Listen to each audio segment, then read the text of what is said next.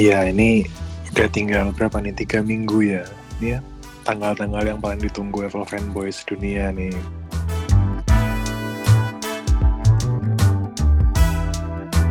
Kalau bocoran dari selain dari Bloomberg ya, katanya itu bakal Hmm. bisa multi multi tab.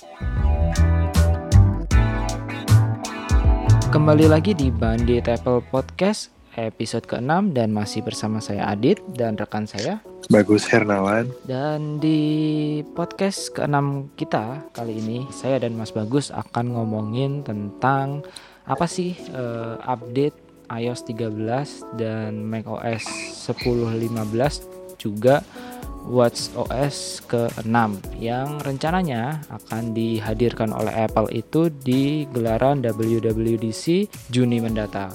Gimana Mas Bagus? Yes.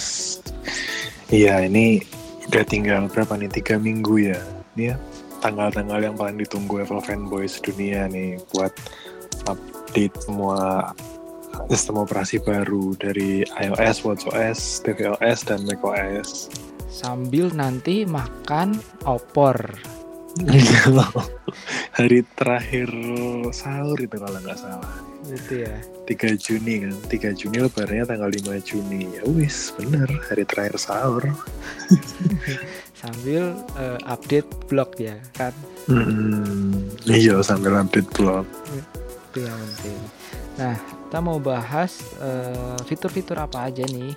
Karena eh, laporan dari Mark Gurman yang dirilis di Bloomberg, eh, dia itu udah Iya. dapat bocoran beberapa fitur Hmm. di iOS, di watchOS dan macOS. Tiga sistem Yes. operasi yang bisa dibilang eh, utama sih di Ya, paling rame. Kita mau bahas dari iOS dulu ya Mas ya. Yes, dari iOS dulu. Ini aku nggak ngerti nih gimana sih Mark Gurman bisa dapat semua bocoran ini dan ini tuh nggak cuma sekedar bocoran sih kayaknya. Ini banjir ya kalau bisa dibilang karena banyak banget detailnya. Kan biasanya kalau Apple di WWDC itu kan dia kayak ngumumin eh, fitur dia bisa biasanya kan ada kayak diwakilin satu fitur itu satu icon gitu kan Mas. Ya nggak inget nggak kalau di slide, di iya, slide-nya di slide-nya Misalkan Apple. security gitu, Iya. security, terus performance, terus eh, apa misalkan G apa GPU, gitu. eh Hmm. kok GPU apa CPU baru gitu kan, Iya. atau machine learning Hmm, gitu. Nah, nah ini tuh hampir ada 10 lebih kali dan kemungkinan memang semua yang akan diumumkan oleh Apple di WWDC akan ya ini udah bocor semua. Iya udah bocor semua kemungkinan. Eh, Oke, Gimana Mhm. kita bahas nih satu-satu. kita bahas satu-satu nih. Oke, silakan Mas Agus di Oke, jadi yang pertama si Mark Gurman dari Bloomberg ngomong kalau di iOS 13 nanti itu eh, sama seperti iOS 12, dia akan fokus pada apa namanya peningkatan performance dan mengurangi bug system. Tapi tak ada beberapa tampilan baru. Contohnya di bagian animasi saat membuka dan menutup aplikasi, sama di bagian widgets yang diakses dari layar sebelah paling kiri.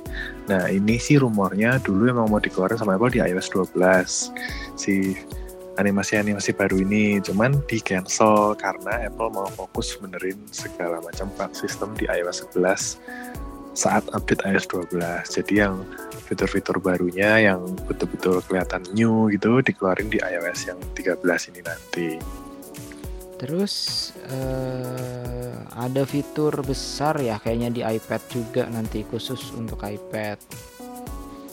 ya khusus untuk iPad itu fitur besarnya apa sih coba Adit yang jelasin mungkin Bentar, bentar. Nanti akan ada eh, home screen-nya tuh kayak nggak tahu sih tampilannya. Jadi dia dibilang tampilannya kayak gimana belum tahu, eh, belum ada bocoran. Cuma dibilang eh, interface apa tampilan antar muka untuk multitasking itu tuh akan sedikit berubah, eh, ditweak sama Mhm. Apple dan juga eh, kalau bocoran dari selain dari Bloomberg ya katanya itu bakal Mhm. bisa multi multi tab. Jadi Oh, eh, oke. dari satu aplikasi dia bisa buka dua dua tab kayak di browser gitu Mm-mm. eh, secara bersamaan. Hmm, Oke. dan dukungan keyboard shortcut kayaknya juga bakalan eh, apa namanya ditingkatin lagi sih jadi kan kalau orang eh, nggak tahu sih kalau kalau dari saya sih kalau ngangkat tangan cuma untuk eh, nekan di layar gitu kan agak apa ya hmm, agak ribet ya jadi lebih Mm-mm. enak kalau tangan tuh stay di keyboard gitu jadi kalau untuk pindah antar tab satu ke tab lain tuh bisa pakai keyboard shortcut misal komen satu kayak di kalau di Safari kan bisa tuh komen satu Oh, Oke. ke tab pertama eh, Hmm. komen dua ke tab kedua dan seterusnya nah berharapnya sih itu bakal dibawa juga di ketika Apple ngubah eh, multitasking jadi app bis, satu app dia bisa buka beberapa tab sekaligus Oke. Mungkin itu cocoknya buat kayak yang pakai iPad Pro gitu ya, terus Iya. sering pakai smart keyboard, jadi betul-betul semuanya di keyboard kan, dan dia nggak nggak terlalu sering ngangkat mindah tangan dari keyboard ke layar, keyboard ke layar, Iya. karena lama-lama ya repot juga. iya betul Itu. Terus kalau balik lagi ke tampilan, rumornya yang paling hot ini di iOS 13 itu ada dark mode. Wah, ini ya Nah, itu itu kayak yang sudah ditunggu-tunggu ribuan tahun gitu mungkin ya. apalagi sejak Dark mode. iOS jadi tampilannya putih gujreng gitu kan iya, itu. Jadi katanya nanti ada dark mode yaitu tampilannya tuh pokoknya yang sekarang selama ini tuh putih itu jadi hitam, yang hitam jadi putih gitu. Ya. Dan aksesnya katanya bisa lewat control center, jadi bisa cepet. Hmm. Cuman menurutku agak aneh sih kalau sesu, kalau sebuah tam, apa pengaturan tampilan utama Hmm. tapi aksesnya dibikin gampang lewat control center tapi menurutku malah aneh jadi kayak eh, orang jadi gampang berubah-berubah tampilannya gitu loh Hmm. Hmm.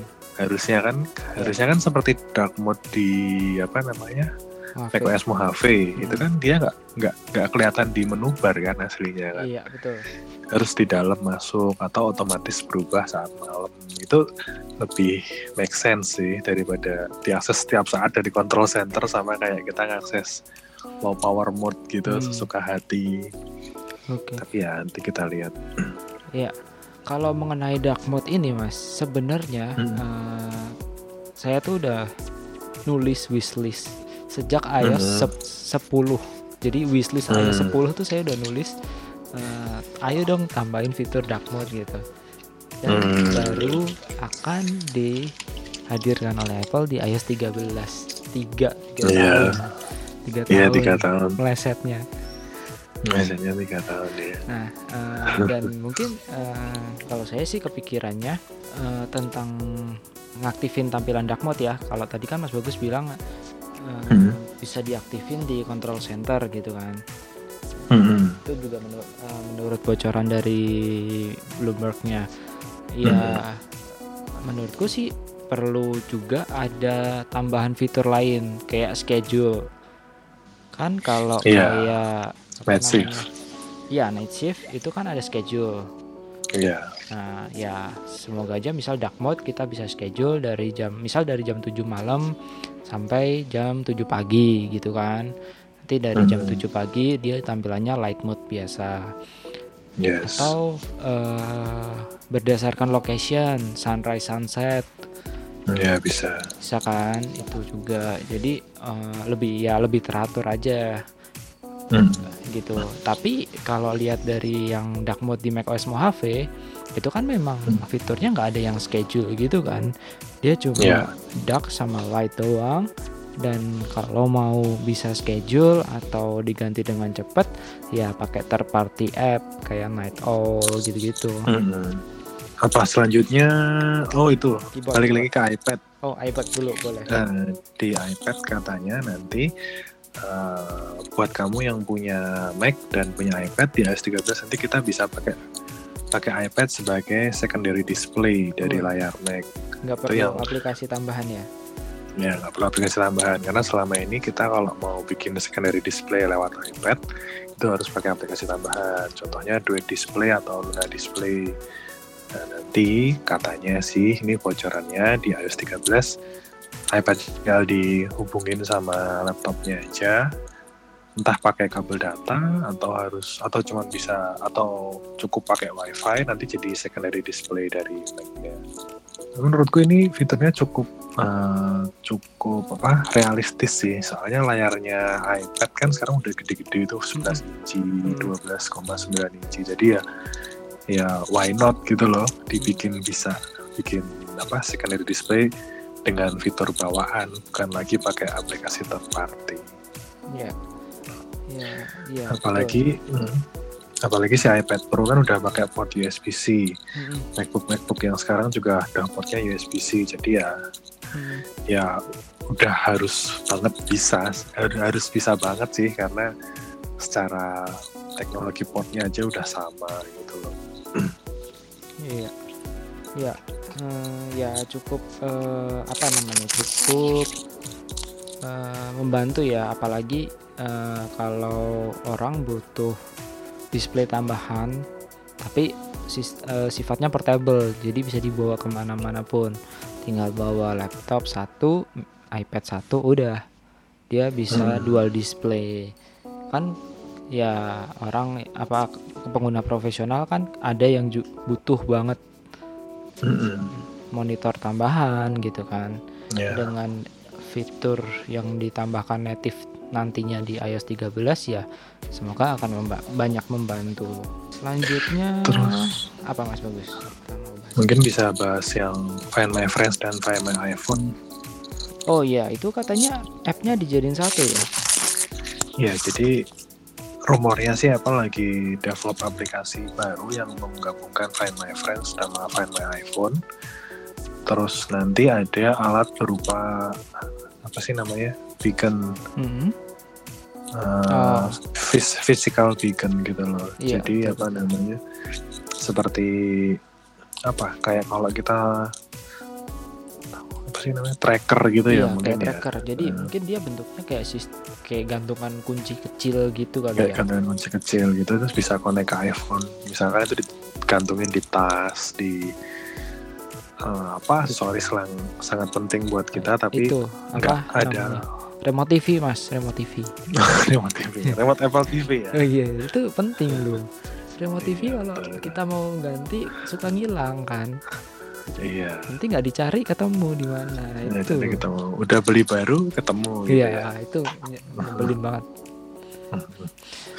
itu jadi nanti katanya selain aplikasinya digabungin juga ada hardware namanya uh, uh, hardware dengan bentuk physical beacon gitu jadi kita bisa connect hardware itu ke aplikasi baru tadi di iPhone nanti bisa kita misalkan kita set set sound gitu dia akan bunyi dan kita tahu posisinya di mana ya seperti Find My AirPods lah tapi ini hardware-nya tuh bukan AirPods Penting sih, apalagi nanti kalau beaconnya itu ya bisa diakses dari iPhone juga, jadi lebih lebih praktis lah.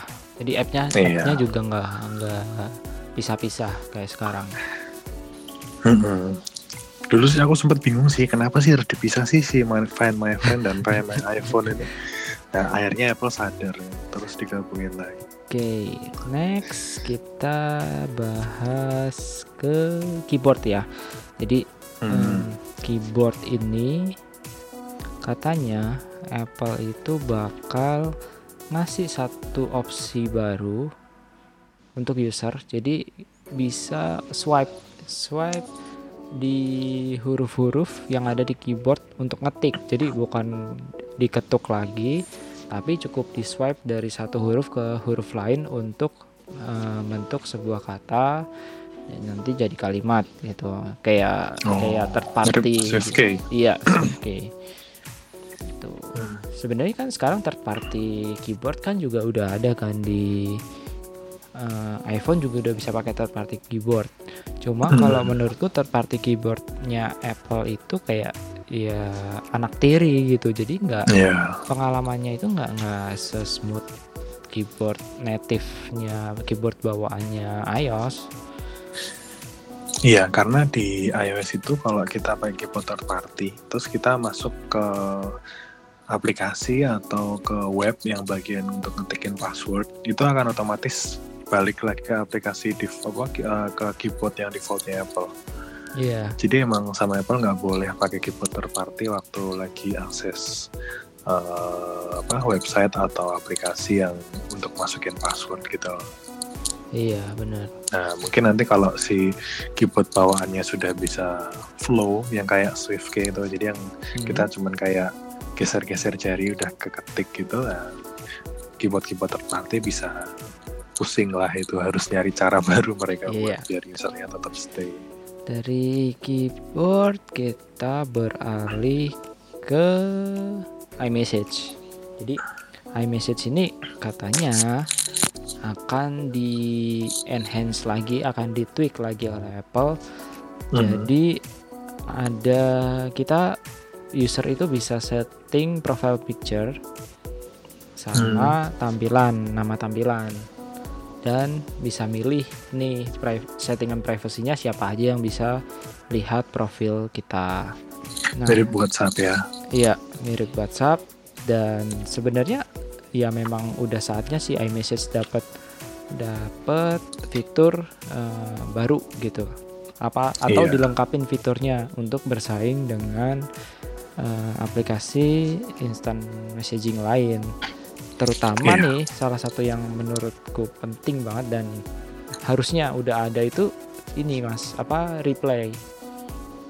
Oh ya, quote quote Iya, replay kuat gitu replay ya. karena susah banget apalagi kalau di iMessage group itu Wah iya itu. itu tuh kayak ini balas ke mana ini balas ke mana jadi agak agak ya harus harus pelan-pelan bacanya Dan fitur kalau mention udah ada belum sih? Belum juga kan? mention belum juga enggak ada juga Nah itu sih, itu juga harusnya udah mulai ada sih kalau emang serius mau dibikin grup message kan. Hmm, Soalnya kalau ya kalau grup FaceTime ya udah sih, cuman tinggal panggilan dalam bentuk grup gitu aja kan. Tapi Iya. kalau grup message ini betul-betul harus ngikutin gimana caranya biar penggunanya tuh mudah gitu loh apalagi untuk grup-grup message yang orangnya banyak gitu kalau reply reply gitu kan harus spesifik harus bisa mention gitu-gitu sih iya dan juga kan eh, kalau dibilang dia kalau aplikasi lain kan ngirim file itu udah gampang ya kalau Hmm. iMessage ini agak ribet ngirim file kayak misal PDF apa segala macam Iya betul. Terus lanjut ke katanya ini bakal banyak aplikasi-aplikasi bawaan yang diupdate ya. Jadi Iya. maksudnya dapat fitur baru. Contohnya reminders, terus Apple Books, lalu Maps, iya terus apa namanya Home, aplikasi Home, iya sama aplikasi mail mail apps. ya Mail. Hmm. Aku tuh nggak pernah tuh pakai aplikasi Mail. Kalau Mas Adit pakai Mail nggak? Nah, eh, sekitar ya empat bulan empat bulan yang lalu Mhm. sebelum empat bulan itu saya pakainya mail. Nah empat bulan Mhm. terakhir ini saya udah mulai ganti Spark. Hmm, oke. Sebenarnya enaknya pakai mail itu apa ya eh, net ya cepat aja gitu aplikasinya. Masih dalam artian Mhm. cepat itu eh, kita mau ngapusin ngapusin email yang lama atau search apa itu udah lumayan cepet Hmm. dan sukanya sih apa ya tapi memang kan dia nggak ada push notif kan eh maksudnya notifnya nggak bisa real time kan Ya kalau pakai email Google dia hanya fetch, nggak bisa push. Yang bisa push email yang iCloud. apalagi ya udah sih itu aja paling yang lain sih standar sih mas kalau orang Hmm. yang nggak banyak berkutat dengan email cukup Hmm. banget sih sebenarnya pakai mail app itu nggak perlu download aplikasi tambahan lagi Ya. semua bisa di manage Hmm. Nah, maksudnya akun eh, dukungan akunnya juga udah banyak gitu tapi kalau memang butuh yang real time orang yang butuh kerjaannya komunikasi via email ya mungkin eh, bisa Hmm. cari alternatif lain di App Store Hmm. Aku juga termasuk yang nggak pernah pakai aplikasi mail sih, karena menurutku tuh basic banget sih, karena dia nggak bisa dikasih password. oh ya oke Ya, karena menurutku aplikasi email itu kan isinya data-data sensitif pekerjaan, data-data sensitif pribadi ya. Itu kalau Hmm. misalkan ada temen minjem handphone, eh kepencet buka mail gitu. Hmm. Eh kepencet buka inbox kan ya nggak Oh iya. nggak enak Iya, lah ya. betul, betul, betul. Itu sih basic basic fiturnya kalau aku di mail itu yang selama ini belum belum terpenuhi kalau menurutku.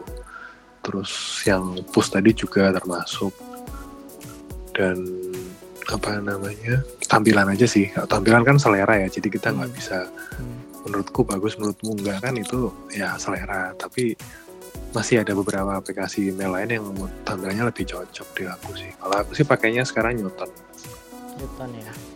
Hmm. Itu yang langganan itu kan yang kemarin hampir yang dimatiin langganan. tapi nggak jadi itu kan? udah dimatiin Oh, udah dimatiin. terus dibeli sama esensial Oke. Ya. untungnya belum ku cabut kan akunku jadi masih bisa dipakai lagi Oh, Oke. Ya, ya. Ya memang selera sih. Eh, ini pakai Spark juga karena kan eh, sebenarnya dulu udah pakai, sekarang ya pakai lagi mau iniin push notif sama di Mac juga pakai Spark juga. Dia sekalian. Oke lanjut Terus lanjut kita ke bagian Oh ini juga ada fitur bagus nih di bocorannya Bloomberg untuk iOS 13. Katanya Safari-nya nanti bisa support download manager. Wah, ini Gini, kan banyak banget nih yang sering ngeluh kalau Safari-nya di Mac tuh, eh Safari-nya di iOS tuh nggak enak, nggak bisa download-download, nggak bisa eh, nggak bisa ngapa-ngapain lah, karena cuma browsing doang. Nah, Ya. Katanya nih nanti Apple terus akan menambahkan fitur Safari Download Manager Hmm. di perangkat iOS 13 terus itu nanti akan ter- terintegrasi ke aplikasi Files Ya.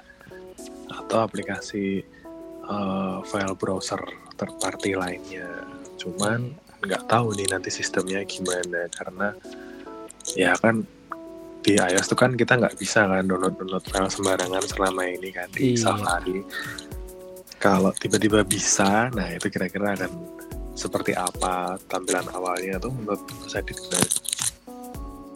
Iya. Nah, ngomong-ngomong soal download file nih, eh, sekalian aja. Jadi mau bagi-bagi tips kalau kalau teman-teman butuh untuk download file, tinggal Hmm. download aja eh, Documents by Reader. Oh ya, dokumen Fly Riddle ya. Nah, Hmm. di dalamnya itu ada web browser. Jadi kalau misalnya teman-teman mau download nih udah buka di Safari, copy aja linknya Hmm. dari Safari, terus buka Documents, terus download Hmm. biasa. Nanti dia akan ada progress downloadnya, kemudian ya ada download manajernya gitu. Tinggal Dan nanti, itu- eh, itu kan file manager juga, jadi udah di save Hmm. dan udah terintegrasi juga dengan files app juga. Iya, Tuh. itu lengkap banget sih. Itu juga yang bikin Riddle juga kan dia. Iya, yang bikin Spark. Yang bikin Spark. Mm. Hmm. Terus juga bisa ditambahin Google Drive, bisa ditambahin Dropbox atau Iya. WiFi transfer ke Mac langsung kalau koneksinya di WiFi yang sama. Ya, lengkap lah itu. ada lagi yang mau dibahas dari bocoran fitur iOS 13? Hmm, fitur di aplikasi bawaan udah Kira-kira Oh, iya. dari semua rumor ini, kalau menurut Adit berapa persen yang akan beneran keluar nanti di WWDC? kalau berapa persen sih berapa ya ya 7 80 persen lah keluar terutama yang dark mode kemudian apa fitur-fitur di aplikasi bawaan Hmm. terus apa namanya iMessage Yang Find My- message ya. ya gabungan Find My Friends dan Find My iPhone Hmm. ya itulah kalau yang Hmm, Oke. agak agak agak-agak meragukan itu yang ini mas sleep mode ini Oh iya, jadi rumornya tuh nanti akan ada fitur mode itu kayak eh, pengembangan lebih lanjut dari fitur bedtime ya di Mm-mm. aplikasi clock. Itu dia bisa kayak deteksi deep sleep segala macam dan dia Iya. integrate-nya sama Apple Watch. Iya. Nah, tapi emang agak nggak masuk akal sih fiturnya karena Apple Watch yang sekarang tuh kan nggak bisa Iya. Apple kan lebih belum dari dua hari kan Apple Watch-nya. Mhm. Jadi kayak aneh aja kalau kita tidur, tidur pakai Apple Watch besok pagi ke kantor nggak ada baterainya. Nah, eh, sebenarnya kan kalau untuk aplikasi sleep tracking itu kan ada ya, udah ada. Maksudnya sebelum Apple akan ngeluarin ini kan sebelum-sebelumnya udah ada. Dan Hmm. aku pernah pakai beberapa beberapa app-nya gitu. Eh, mereka tuh kayak nyaraninnya gini. Jadi eh, kalau malam kan dipakai tuh. Misal mandi Mhm. mau tidur Hmm. eh, misal pak bangun pagi mau mandi nah pas mandi itu ya udah dicas aja dulu sebentar Hmm. nanti kan nambah tuh baterainya dipakai kerja Hmm. pulang sore mandi ya udah taruh aja dulu di Hmm. charger gitu sampai nanti Hmm. mau tidur baru dipakai lagi jadi sistemnya kalau sempat se- disempat sempetin ngecas di antara Hmm. kegiatan sehari-hari gitu sistemnya itu nah Terus? oh iya ini Hmm. ini nih yang sebenarnya cukup penting Eh, Hmm. jadi Apple itu kan tahun lalu udah ngumumin Project Marzipan Oh iya. di mana nantinya eh, developer itu tinggal coding satu kali Platform. Hmm. terus aplikasinya bisa dijalankan di iOS dan macOS.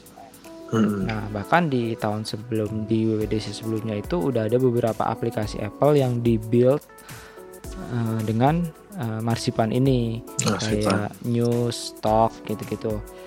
Iya. Kabarnya Apple itu akan ngebuka eh, apa ya SDK eh, Hmm. atau toolsnya atau apa ya eh, library-nya gitu. API-nya Iya. mungkin ya. Hmm. kayak library-nya yang nanti bisa dipakai developer selanjutnya untuk bikin aplikasi aplikasi jadi bikin atau dia bisa ngeporting dari iOS ke versi macOS-nya jadi lebih mudah gitu. Hmm. Itu nanti muncul nggak di WWDC ini atau masih tahun depan? Di WWDC sih kayaknya Mas kalau aku baca-baca. Oke. Padet ya berarti ini besok ini. Iya bener Hmm, Oke. Ada lagi yang dibahas dari iOS 13? udah sih kayaknya itu kayaknya udah dibahas semua sih yang dibocorin sama Bloomberg dan memang banyak banget ya ini ini baru iOS Hmm. doang padahal Iya. ya oke kita lanjut aja kita lanjut, Kita lanjut ke, ke Watch, Watch OS, OS. Hmm. Hmm. Nah, kalau di WatchOS ini fiturnya nggak terlalu banyak, tapi cukup cukup esensial karena beberapa fiturnya tuh kayak sudah seharusnya nih Apple punya dari beberapa tahun lalu. Contohnya eh, aplikasi voice memo katanya nanti akan ada di aplikasi Apple Watch, jadi kamu bisa record suara dari Apple Watch langsung, nggak harus pakai iPhone atau Mac lagi. kayak po- kayak ini ya kayak James Bond ya kayak bisa jadi ngomong sama jam gitu ya Iya, kayak Power Ranger. iya kalau Ranger Terus eh, nanti katanya juga di WatchOS 6 kita bisa ngirim eh, animoji dan memoji. Hmm. Jadi kayak bentuknya dijadikan kayak stiker gitu. Jadi Iya. stiker animoji atau stiker memoji udah dibikin di iPhone, terus di import ke Apple Watch. Eh, lalu yang tadinya saya, saya kayak mikirnya nggak nggak percaya kalau fitur ini akan ada di WatchOS tapi setelah dibaca lagi ya mungkin aja sih masuk yaitu uh, WatchOS nanti akan support Apple Books. Oh, ya. saya bingung Apple Books. Oh tapi ternyata yang dimaksud adalah audiobook. oh ya Nah, uh, make sense sih kalau kalau audiobook make sense ya kayak kita beli buku apa audiobooks di Amazon gitu kan misalkan bisa di play di situ atau belinya di apa apa iBook Store gitu oke lah ya bisa Iya. masih bisa diterima lah iya benar-benar benar Tuh, sama katanya ada aplikasi kalkulator juga tapi bingungnya juga adalah gimana cara mencetnya kalau kalkulator di Apple Watch iya padahal di iPad nggak ada aplikasi kalkulator ya kan? Iya itu juga aneh sih kalau dipikir kenapa iPad yang layarnya gede gitu enak buat ngitung nggak ada. Tapi kalau dipikir lagi wajar sih kalau Apple nggak bikin kalkulator di iPad karena interface-nya akan Ya. kayak terlalu apa sia-sia gitu loh Tapi kan sebenarnya kalau di iPad eh, di, bisa aja dibikin defaultnya tuh kayak eh, scientific Landscape. calculator gitu loh mas. hmm, Jadi kan tom- iya, kalau iya. tombol scientific kan pasti dia lebih banyak kan. iya sih Ya nggak tahu juga sih eh, pertimbangannya apa, kenapa di iPad gak ada, tapi sekarang malah mau bikin di Apple Watch. di Apple Watch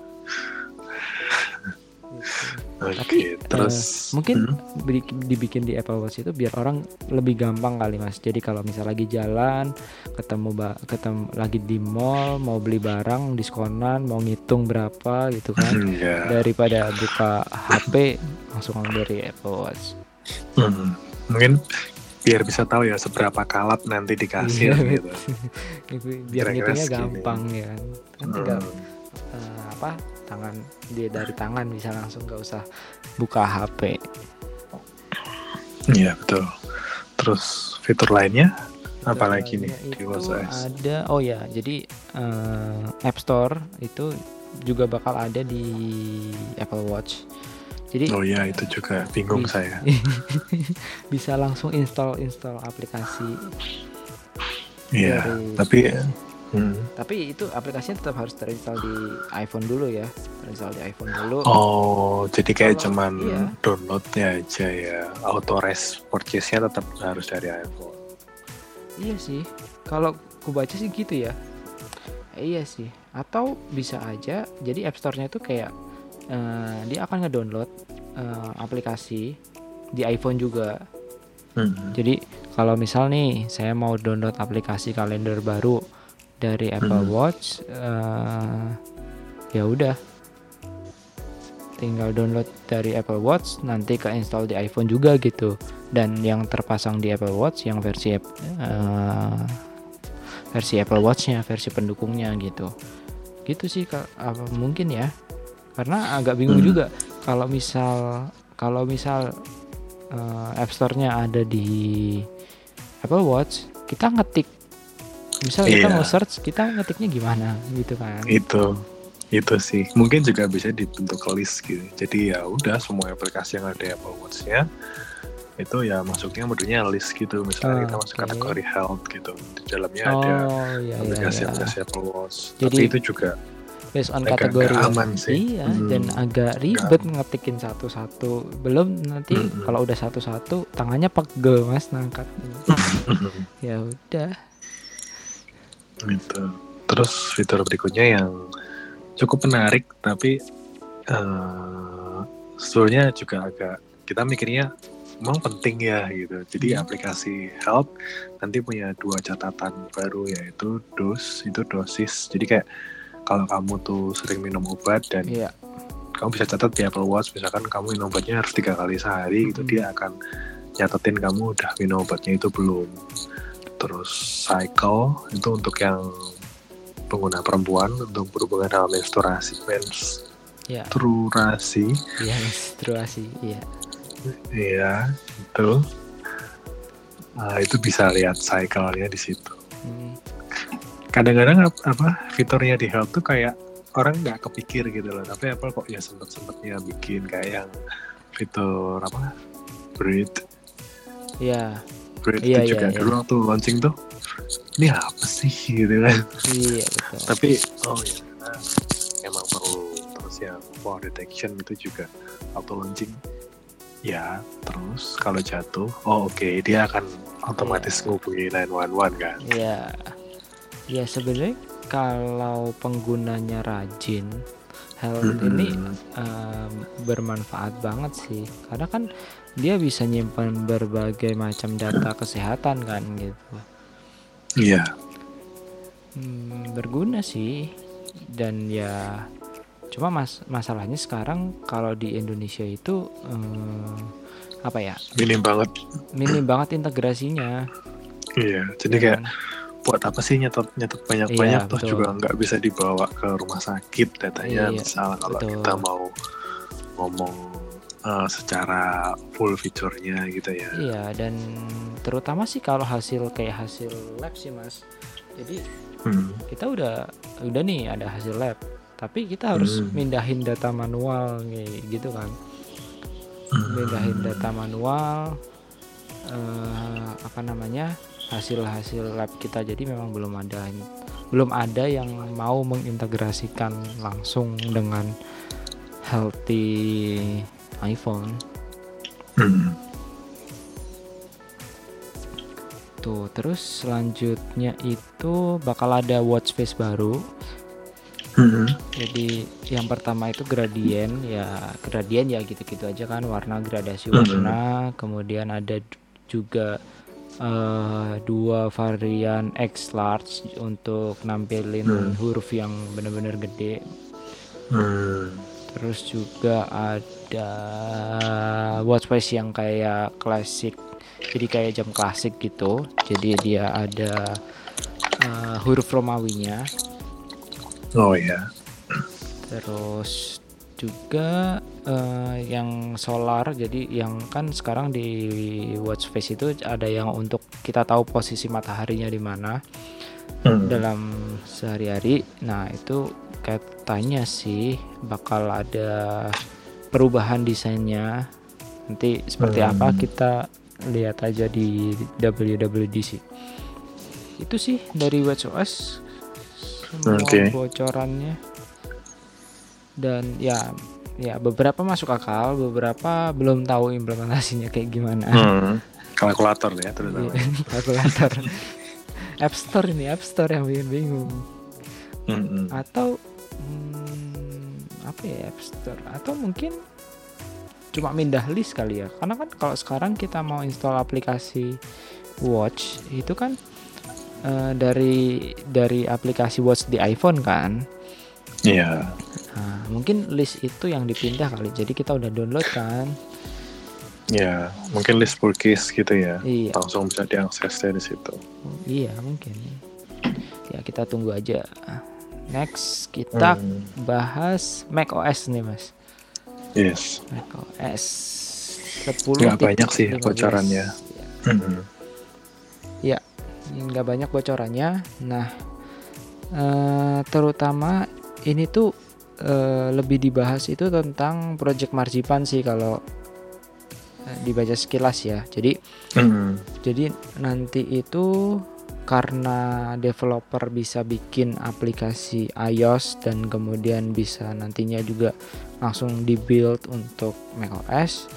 eh, jadi ke depannya banyak orang tuh yang udah beropini kayak nanti eh, macOS tuh akan banyak aplikasi baru gitu. Di Hmm. di satu sisi oke sih dalam artian eh, macOS ini kan aplikasinya ya bisa dibilang sedikit. Dikit banget. Dan Kalau mau lihat di Mac App Store itu kayak chartnya nggak setiap minggu pun belum tentu berubah sih kalau Nah, dilihat. ya maksudnya ya aplikasinya ya itu-itu aja yang terkenal juga yang itu-itu Hmm. aja gitu kan. Iya. Nantinya dengan Marzipan ini ya diharapkan developer yang sekarang bisanya cuma develop di iOS nantinya itu bisa ngebawa aplikasinya di macOS dan memperkaya ekosistem aplikasinya gitu. Nah, Hmm. satu di satu sisi itu di sisi lain juga d- kalau saya follow beberapa orang di Twitter itu dia concernnya adalah eh, iOS itu kan eh, berdasarkan sentuhan ya kan Hmm. sedangkan kalau inputnya di Mac itu kan pakai mouse dan pakai Mouse dan keyboard keyboard. nah Hmm. itu nanti gimana interface-nya gitu apakah memang benar-benar disamain sebagai contoh contohnya sih itu tuh kayak kita date picker mas jadi kalau kita milih tanggal Oh iya. di iOS itu kan scroll nih modelnya Hmm. scroll harinya scroll bulannya scroll tahunnya gitu kan jam Ya. juga sama scroll jamnya nah apa nanti di di macOS juga akan sama interface-nya kayak gitu karena kan kalau scrolling scrolling mouse gitu kan agak aneh ya Iya. Nah, Iya, bukannya- nggak banget lah. Nah, kan Rasanya kayak lagi pakai aplikasi iOS simulator. Iya, tuh. Nah, kayak kayak gitu. Jadi interface yang kayak gitu kayak gitu ya akan jadi concern eh, apakah nanti nggak menurunkan kualitas aplikasi, di Aplikasi. Mac gitu. Iya sih. Nanti tinggal app- eh, Apple bikin API atau SDK-nya gimana ya yang biar bisa kayak convert sesuatu yang tadinya tuh sentuhan jadi pointer kan. Maksudnya jadi Iya, dari touchscreen jadi mouse dan track mouse dan keyboard itu. Mm-mm. Itu baru masalah input loh. Maksudnya baru masalah contoh yang picker Iya, beat gitu tadi iya. belum lain-lainnya misalkan masukin password atau masukin eh, apa namanya input yang pakai apa multi touch misalnya Iya, kalau pakai betul. iPhone multi touch terus Hmm. ini jadi cuman pakai satu jari Ya sih, ya itu itu sih. Jadi katanya tahun ini itu iPhone eh, katanya sih tahun ini iPhone it- eh, aplikasi iPhone dan iPad atau aplikasi iOS ya bisa berjalan di Mac. Nah, di tahun selanjutnya katanya Hmm. Si Apple itu berencana menggabungkan aplikasi-aplikasi itu jadi satu. Jadi orang tinggal cuma download sekali udah langsung bisa jalan di Mac, iPhone, iPad. Hmm, jadi kayak full gitu ya Iya, integrasinya ya. Dan ujung-ujungnya eh, App Store-nya dijadiin satu. Hmm. Oke, menarik sih. Cuman itu persiapannya pasti gede banget. Iya, dan kalau tahun lalu kan eh, Apple itu ngebawa aplikasi iPad kayak News, Talk gitu kan. Hmm. Apalagi ya, Hmm. Clock ya kalau nggak salah. Stock, clock, terus uh, News sama home ya?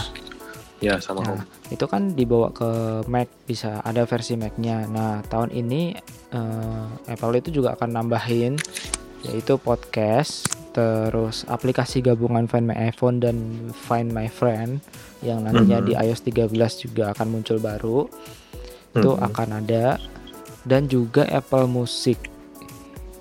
Ya itu Apple Music itu juga udah aku udah nunggu lama sih karena kayak eh, iTunes tuh udah sejak beberapa tahun itu rasanya tuh sangat kacau gitu loh. Ya, diabaikan. Iya dan mau disederhanain gimana kalau malah kalau akhirnya Apple malah masukin Apple Music ke iTunes juga Iya. kan ribet banget ya. Dulu Iya, udah betul. mulai agak simple tuh waktu iTunes dilepas Heeh. dari App Store kan. Jadi kita nggak bisa download aplikasi eh iOS lagi kan lewat Hmm, iTunes yang hmm. iTunes paling baru sekarang kan. Itu udah mulai agak "Oh, oke ini menarik nih. Maksudnya nggak terlalu wadat gitu. Nah, tapi terus begitu ada Apple Music, ya kacau lagi. Terus ini rumornya sekarang mau dipisah lagi kan. Iya.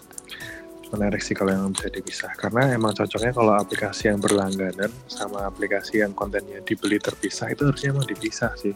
Hmm. Kayak si iTunes Store kan eh, di iOS kan iTunes Store sama musik kan beda kan.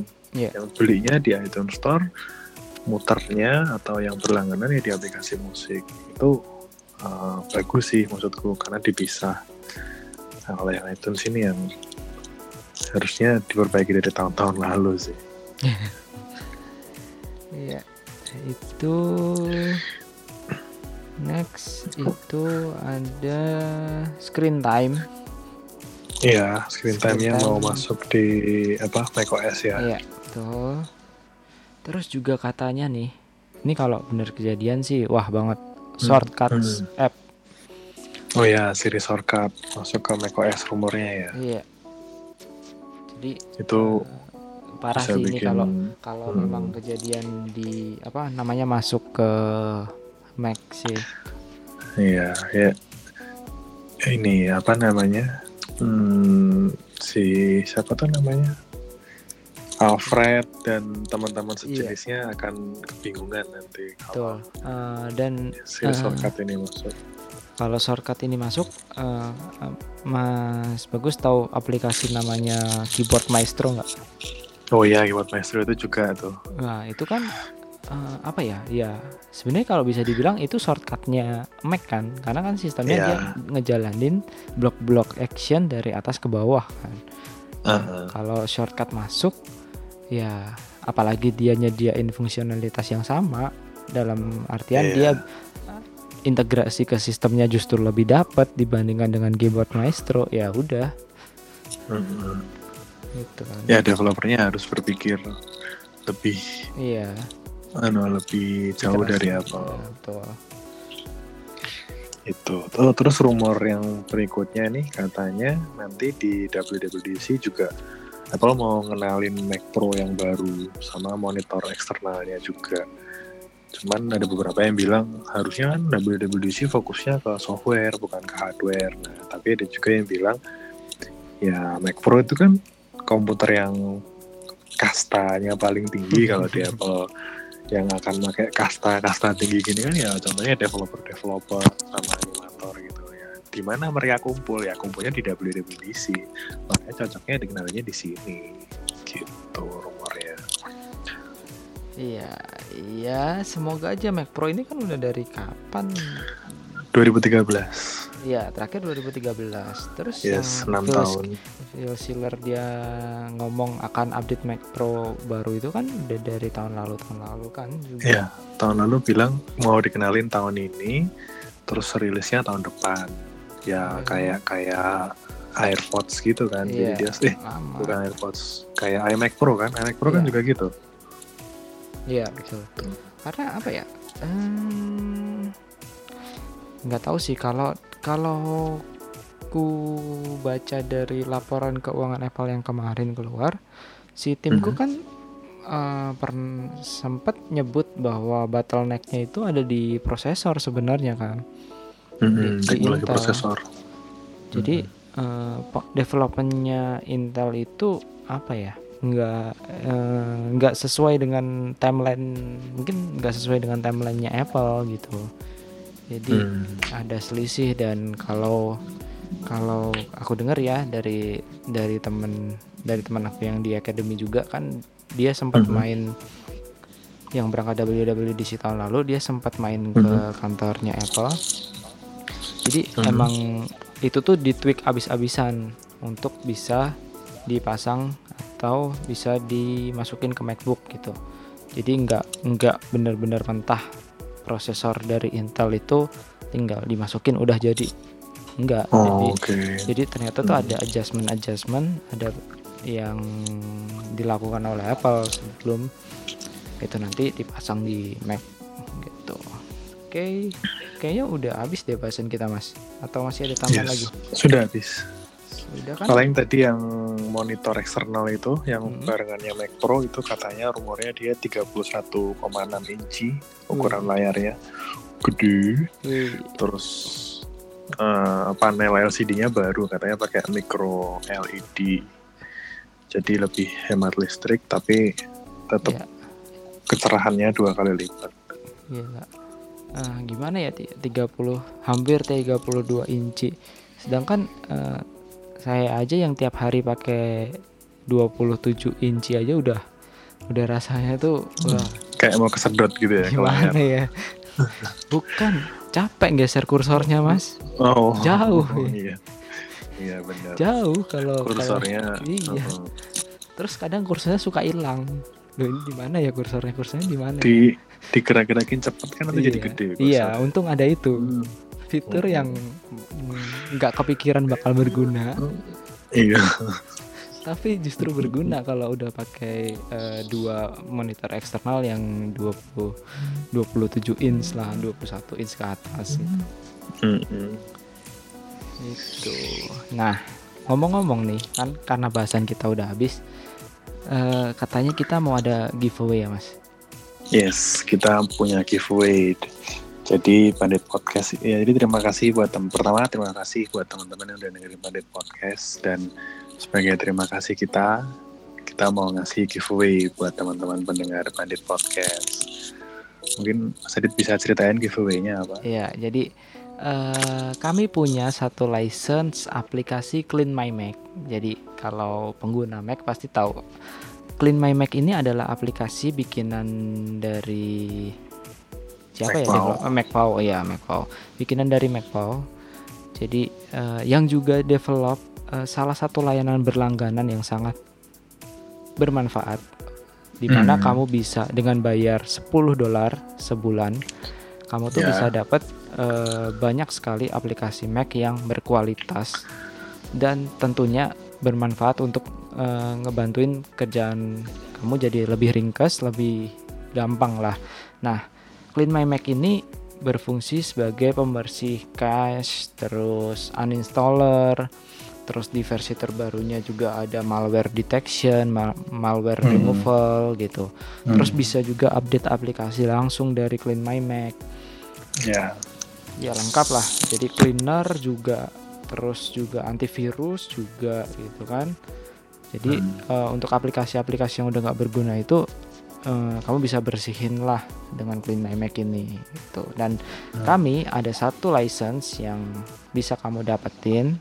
Nah, Caranya gimana? Kita tanya Mas Bagus. Gimana Mas? Caranya kamu harus baca dulu tentang Clean My Mac di websitenya MacPow. Terus sebutin ke kita kenapa kamu layak mendapatkan atau menang giveaway ini.